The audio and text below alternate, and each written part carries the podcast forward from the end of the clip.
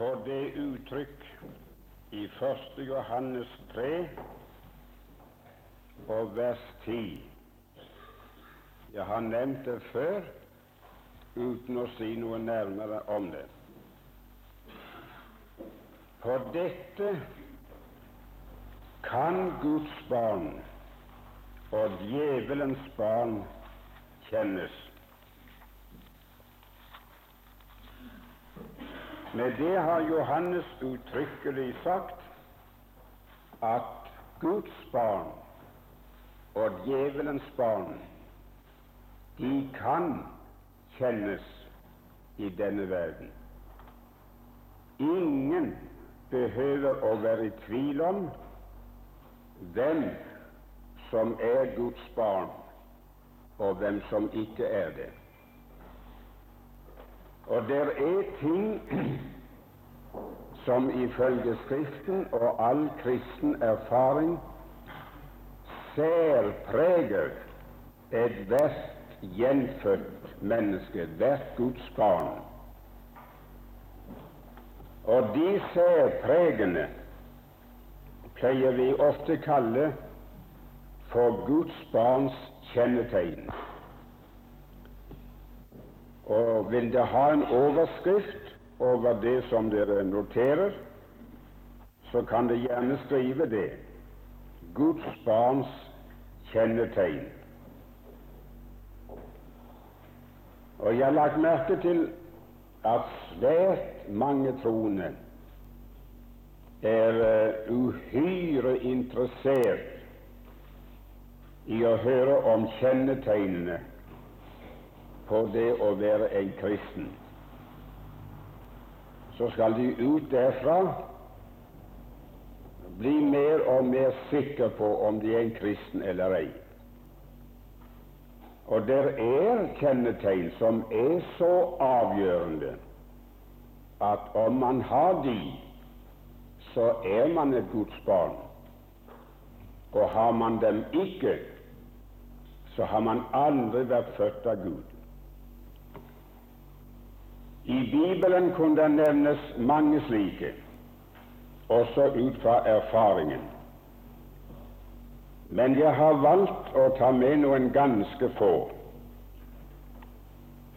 Og all, det aller første kjennetegn jeg vil nevne, det er frimodighet for Gud.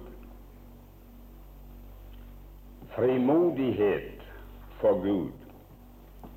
Vi kan gjerne lese hva det står i Romerbrevet 8, det 14. og 15. vers. Romerne 8, 14, 15.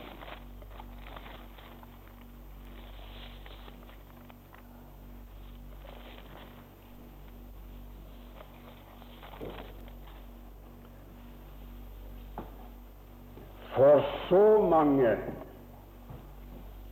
som drives av Guds ånd, de er Guds barn. I fikk jo ikke trelldommens ånd, så i atter skulle frykte, men I fikk barnekårets ånd, ved hvilken vi roper Abba, Fader.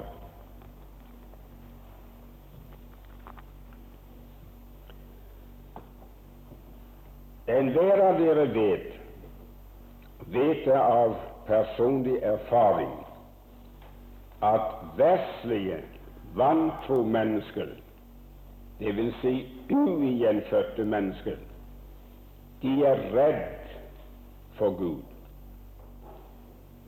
Tanken på å en gang måtte møte Gud, stå ansikt til ansikt med Ham og gjøre regnskap for all sitt liv, endog for hvert unyttig ord de har talt.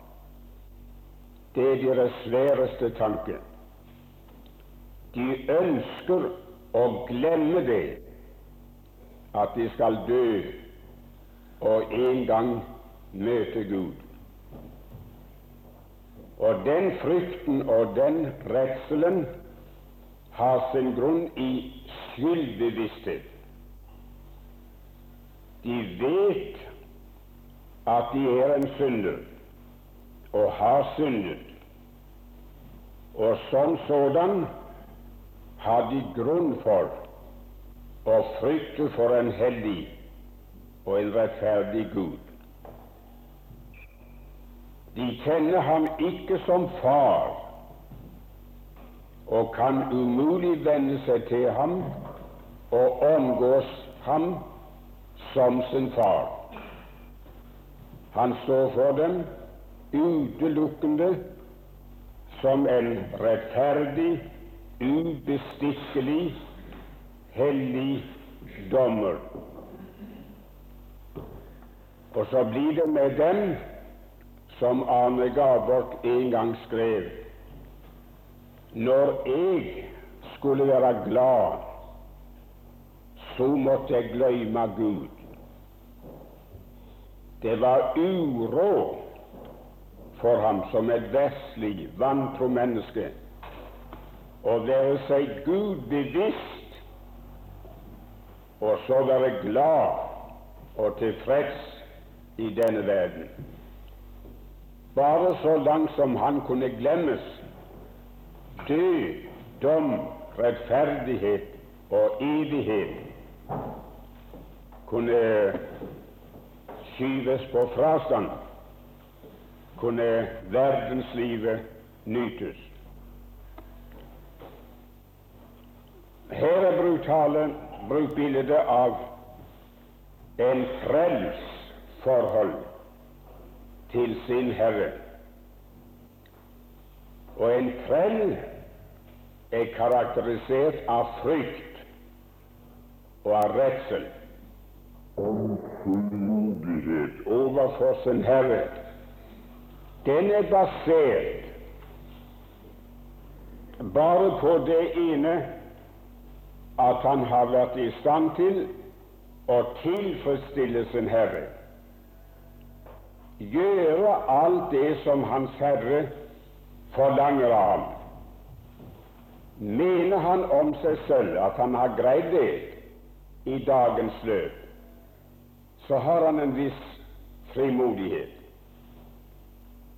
Har han ikke klart det, tør han ikke se sin Herre i ansiktet. Så han er karakterisert av trelldomsfrykt. Men Gud ga ikke oss, de troende, frelste, gjenfødte mennesker, en trelldomsånd, et sinn, så vi igjen, på samme måte som før, skulle leve vårt liv i frykt men han ga oss barnekårets, sønnekårets ånd. Og ved den ser vi opp til Gud som vår far, kaller ham far, kjenner ham som far og tør omgås den tre ganger hellige Gud som far uten frykt, uten angst og uten redsel. For alt det som en gang var imellom oss og ham, alt urent, alt som han navner synd, det er gjort opp, det er tilgitt, det er slettet ut, og vi har Guds ord for at det skal være glemt. Han skal aldri mer komme det i hu. Skal aldri mer bringe den gamle historien på bane. Vet vi det? Har Guds ånd gjort oss klar over det?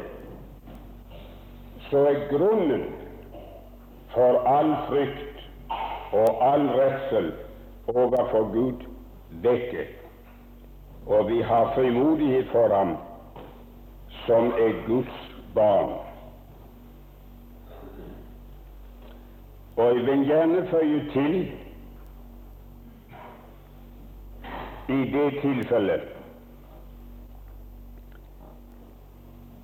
at det ikke bare når en troende har vært snill, lydig, gjort sin fars vilje, vært det han skulle og burde være som kristen, og som han ville være. Det er ikke bare da han har frimodighet for Gud. Men da vil det være forferdelig å være en kristen. Da hadde iallfall ikke jeg holdt livet ut. Da har de gitt opp for lenge siden. Men selv når jeg har syndet, selv når jeg har vært troløs, selv når jeg har vært ulydig og har kommet til kort, er dømt i min samvittighet, dømt til bunns i min sjel, så har jeg frimodighet for ham. Så tør jeg gå til ham med min synd, med min skam, og så fortelle ham det og si Fader, jeg vet jeg er ditt barn, men jeg har syndet. Jeg har gjort det, og jeg er kommet til kort der. Og nå kommer jeg for å gjøre opp den saken og få tilgivelse. Den frimodighet har jeg overfor Gud. Og den har jeg bare fordi jeg vet jeg er barnet hans. Jeg er født av Gud, og jeg har fått barnekårets og sønnekårets ånd, som forteller meg Gud er min far. Så min frimodighet som kristen og som Guds barn overfor Gud, den er ikke basert på absolutt fullkommenhet i mitt liv. Nei, nei. Når barna våre var små, så var ikke de bedre enn en andres barn. De sa og de gjorde ting som var oss imot, og som var galt, ting som ennå kunne såre oss nokså dypt. Men jeg skal få lov å si dere, venner, vi satte alltid pris på når barna kom til oss. Når de kom smilende, glade, lattermilde, og nesten satte huset på ende med lott og leven. Det var moro. Det satte vi pris på. Men jeg for min del iallfall Jeg har ikke spurt moren om det. Men jeg har ingen grunn til å tvile på at det var annerledes for henne. Jeg satte iallfall enda mer pris på når de kom inn til meg når de hadde syndet, når de hadde gjort noe galt, og sa 'Pappa, jeg kan ikke ha det så lenger'. Jeg har gjort det, og jeg har sagt det, og jeg må få gjort opp. Jeg satte mer pris på når de kom og bekjente sin synd og vi fikk det ut av veien. Men jeg satte pris på de kom og kunne fortelle om sin lydighet.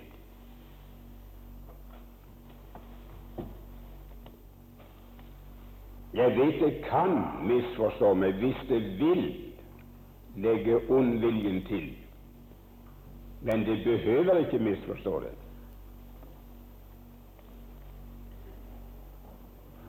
Det andre kjennetegn jeg vil nevne,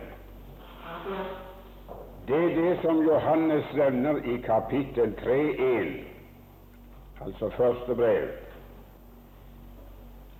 Se hvor stor kjærlighet Faderen har vist oss, at vi skal kalles Guds barn, og det er vi. Derfor kjenner verden ikke oss. Det vil ikke si at de ikke vet hvem er hvem.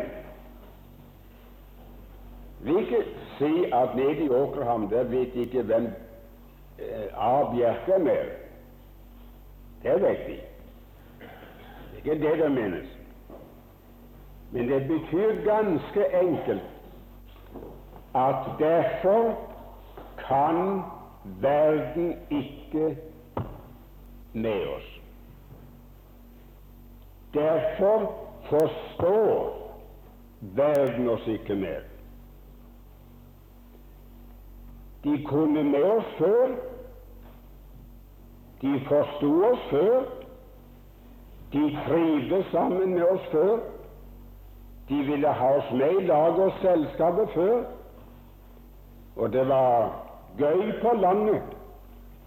Når bare vi var med dem og gikk 100 inn for dem og med dem. Men med en eneste gang, min venn, vi var blitt et Guds barn, var det slutt. Kunne ikke med oss mer. Forsto oss ikke mer. Trivdes ikke med oss mer. Vår livsstil vår nye måte å leve på var den helt umulig å forstå. Hvorfor? Fordi de ikke kjenner ham.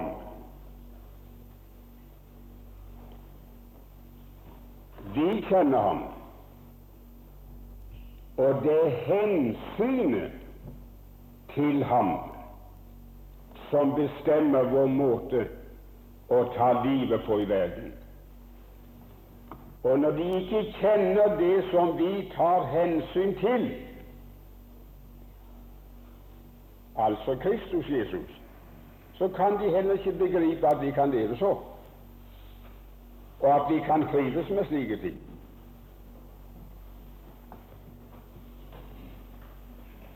Der kom eh, dere sikkert hørt det. Der kom en kvinne en gang til Modi, og så spurte han Unnskyld, mester Modi. Jeg innser at jeg burde bli en kristen. Men er jeg nødt til å bryte med verden og det verdslige selskap om jeg blir en kristen. Nei, langt ifra, sa Modi. Det er en misforståelse. Det bryderi som du skal bli spart for Bare bli du en kristen. Bli født av Gud og få del i guddommelig natur. Lær å kjenne kan ikke de med deg lenger. De vil ikke ha det med i laget og i selskapet mer. Det trenger ingen forklaring. Så var det iallfall for mitt vedkommende. Jeg hadde alltid Gud meg for hvordan i verden skal det gå med kameratene mine og venninnene om jeg skulle bli en kristen. Hvordan skal jeg kunne bryte med dem? Jeg hang så fast sammen med dem. Men så ble jeg nå en kristen. Blir det overraskende og plutselig. Kjære folk, det har aldri vært noen ting i verden jeg har hatt så lite bryderi med som å være kvitt verden. De brøt med meg med en eneste gang de fikk høre det. Det var to-tre av dem de har stått aller nærmest, og kom neste dag. Gikk, Ryktet gikk som ild i tørt gress at jeg var blitt en kristen. Og så spurte meg om det var sant. Eh, den gangen i Egersund så sa vi aldri at han og han var blitt en kristen, eller spurte om han var blitt en kristen. Men eh, vi spurte eller sa at de var blitt skikkelig. Og så kommer de til meg og så står du, Adolf, er det sant det de sier at du er blitt skikkelig?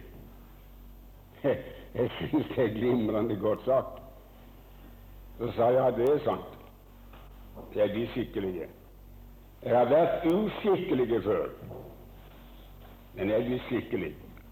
Jeg er blitt en kristen. Jeg er blitt frelst.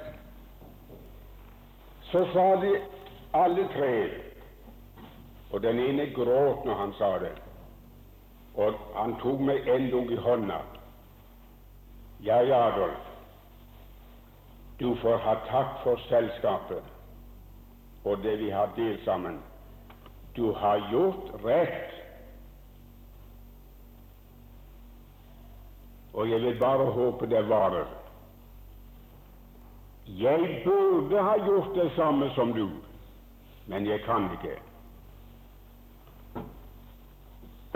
Så han aldri ned. De skydde meg som pesten. Og kom jeg tilfeldigvis i laget hvor de var og var sammen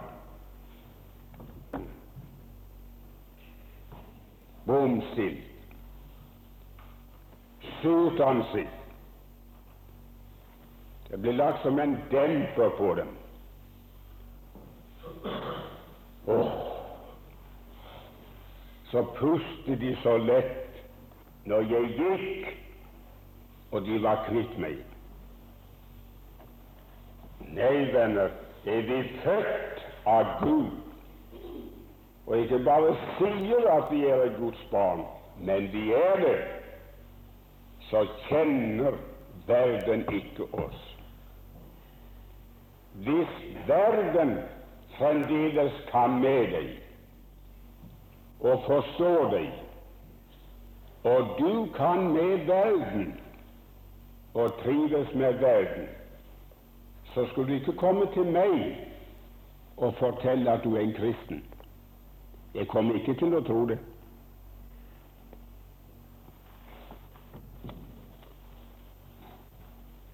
At du kan ha blitt religiøs, det er en sak for seg.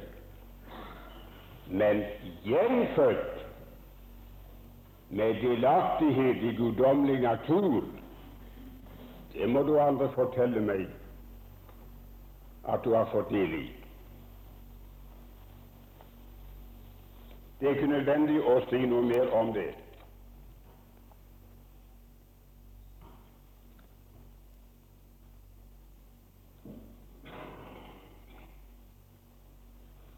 Det tredje kjennetegn. Det skal vi lese fra den niende og tiende vers i Johannes første brev 3. Det har vært for vanskelig for mange troende. Legg nå først merke til at det står 'hver den som er født av Gud'. Det som her sies, gjelder ingen særklasse av troende.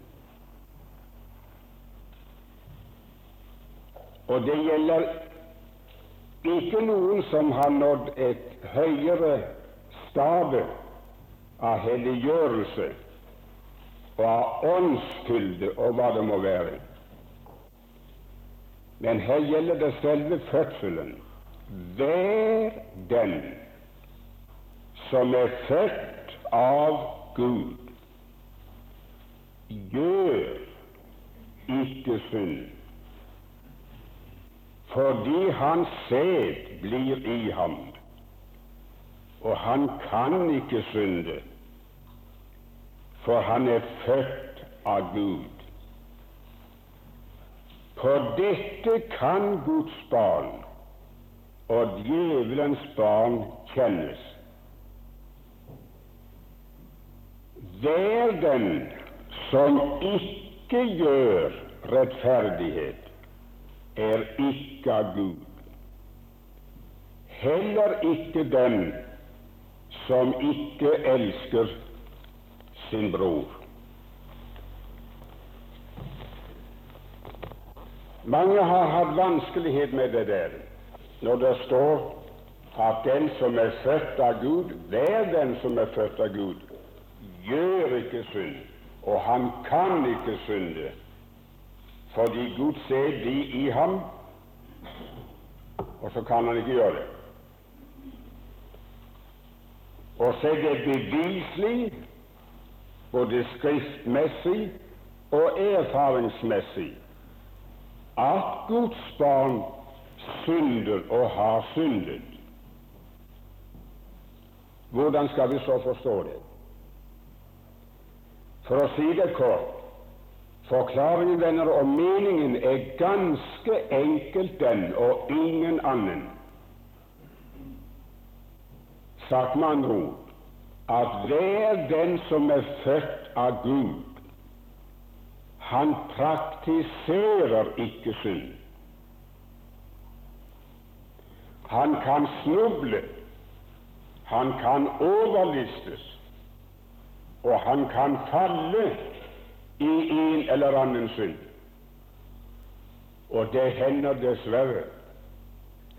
Men er han født av Gud og har del i guddommelig natur, er det ham en umulighet å praktisere den synden og fortsette å leve det gamle livet i synden.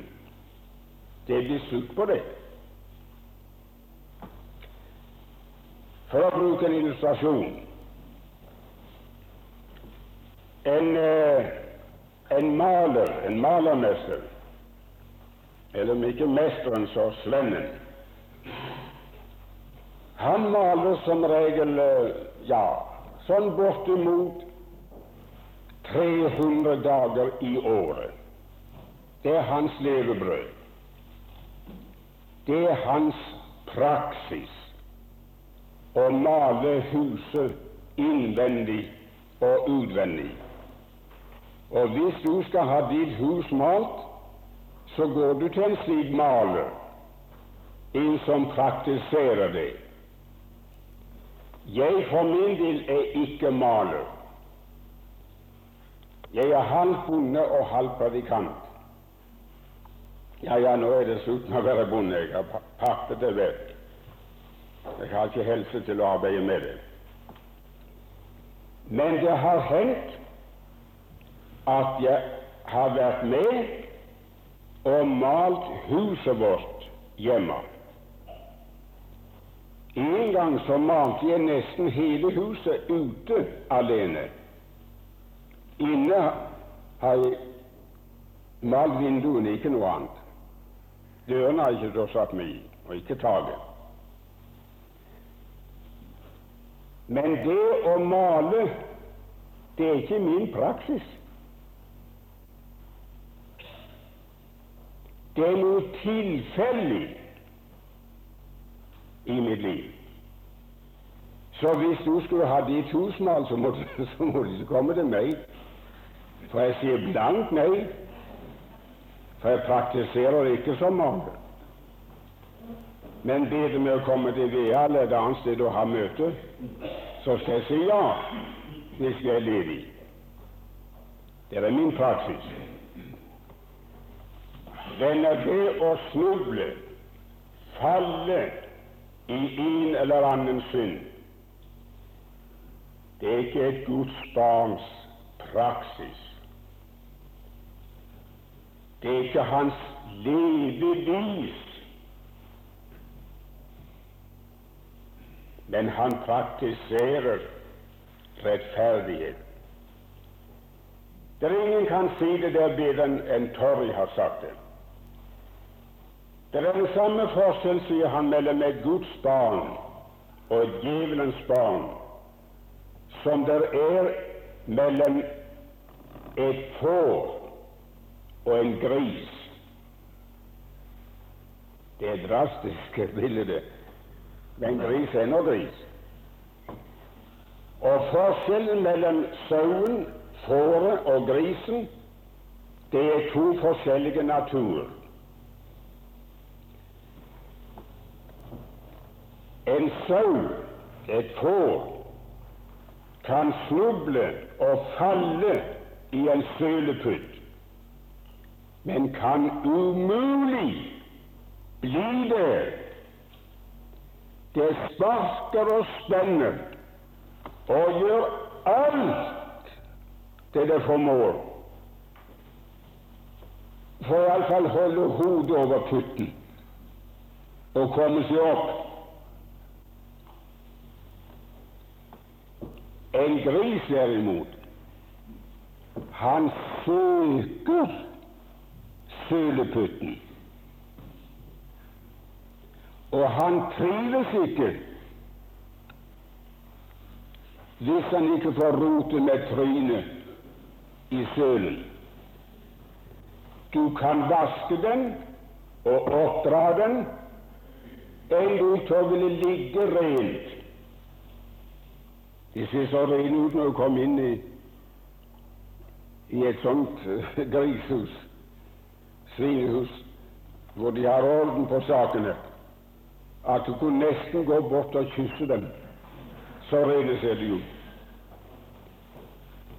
Men eh, tross alt Lars, er det en umulighet å oppdra en gris til å holde trynet fra sølen. Det er to forskjellige naturer. Et kristig får kan falle i sølepytten, dessverre, men da vil det få gå. Det blir som et helvete. Og så er det om å gjøre å komme seg opp, og derifra og få det i orden med Gud igjen. Mens verdens mennesker, de søker synden og trives med den. Det var en ung mann i en vekkelse et sted som ble omvendt. Han ble formodig og bekjente det. Så kom en dag en av hans bekjente og sa han, er det sånn at du er blitt en kristen? Ja, sa han, jeg er blitt en kristen. Ja, hva er egentlig det der å, å så ha blitt en kristen? Si meg, syndet du før du ble en kristen? Ja, visst syndet jeg, sa. Det var mitt liv. Jeg måtte synde. Eller ville jeg fortære synd? Jeg hadde ikke noe annet å leve for. Jeg hadde min smak og min interesse og gikk min vei, men det måtte jeg være. Ja, ja, det, det, det, det var det jeg trodde. Men nå, etter du skal bli en kristen, har du syndet siden? Ja, det sa jeg, det har jeg gjort. Har du syndet etter at du ble en kristen? Ja, sånn jeg har det. Og det har hendt mer enn én gang. Og det har hendt Jeg har snublet akkurat i samme sunden. Ja, men, sa den andre kameraten, hva forskjell er det så? Du syndet før du ble en kristen. Og nå sier du selv at du har syndet etter at du ble en kristen. Kan ikke forstå det er noen forskjell. Å jo, sa han, det, det er en kolossal forskjell. Du skjønner det, sånn at før så søkte jeg synden. Men nå er det synd som søker meg. Og så hender det at den innhenter meg. Jeg er ikke ratt nok på foten til å fly fra den. Og så snubler jeg og faller. Men da blir jeg ulykkelig. Da vil jeg få gå. Jeg vil brenne opp. Jeg kan ikke holde ut å ha det slik. Før trivdes jeg med det. Det var min lyst. Det var min nytelse. Nå er det blitt min pine. Og så kom jeg meg opp derfra ved å bekjenne det for Gud og be ham om å bevare meg fra å komme ut i det der på nytt. Så det er forskjell sånn.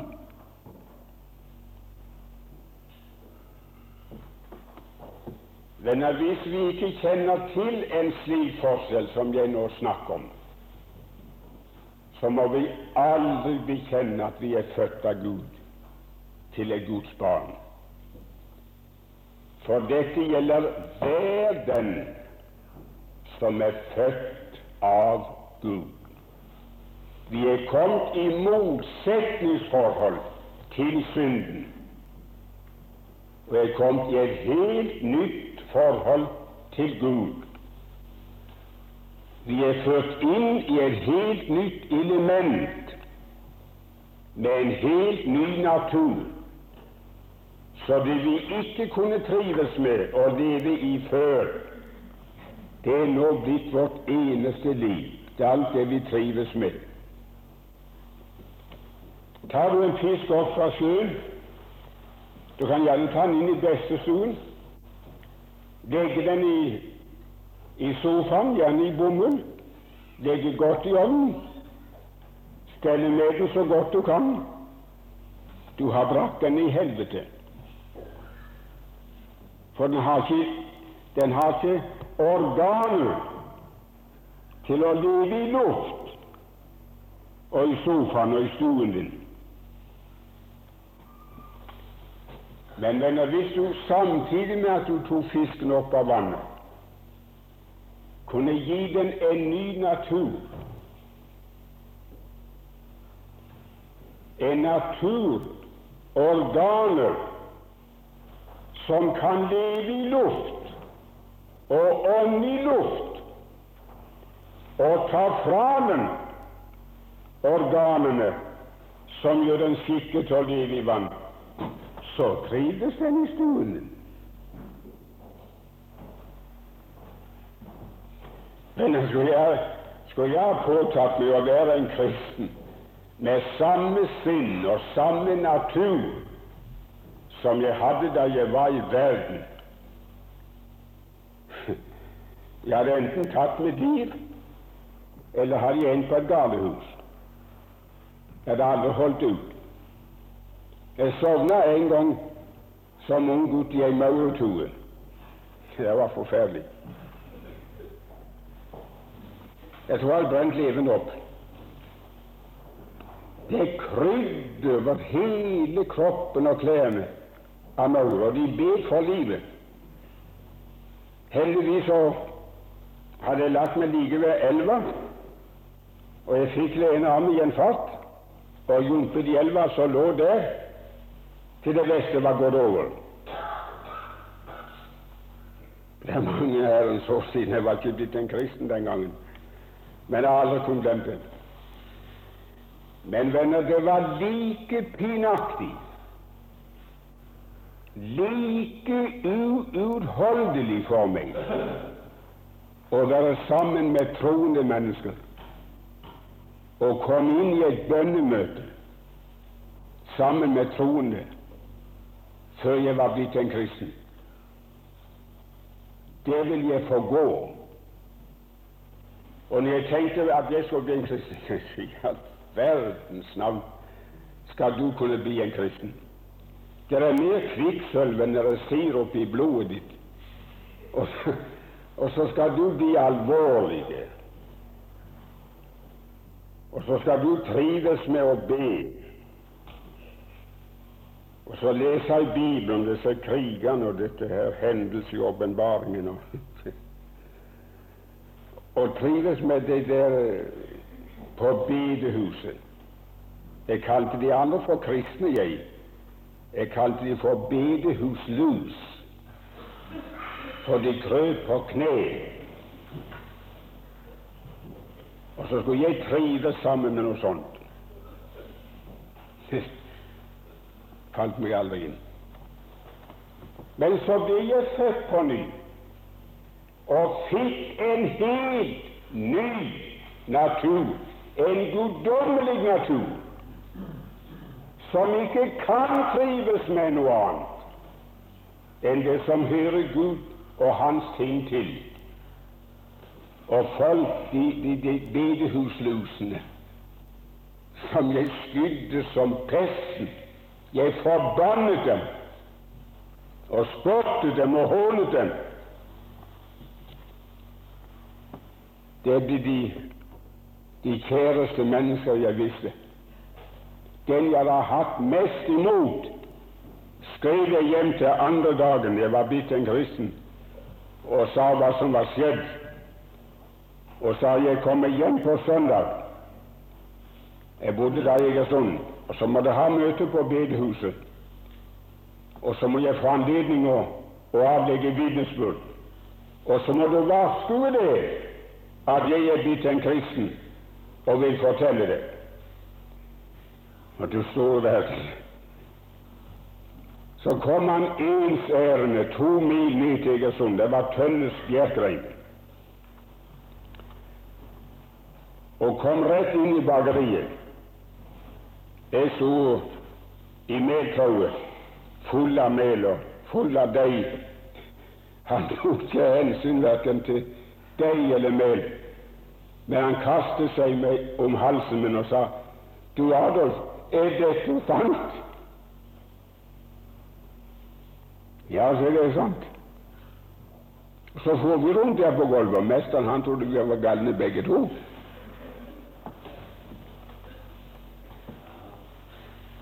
Men spør om jeg kunne med den mannen siden.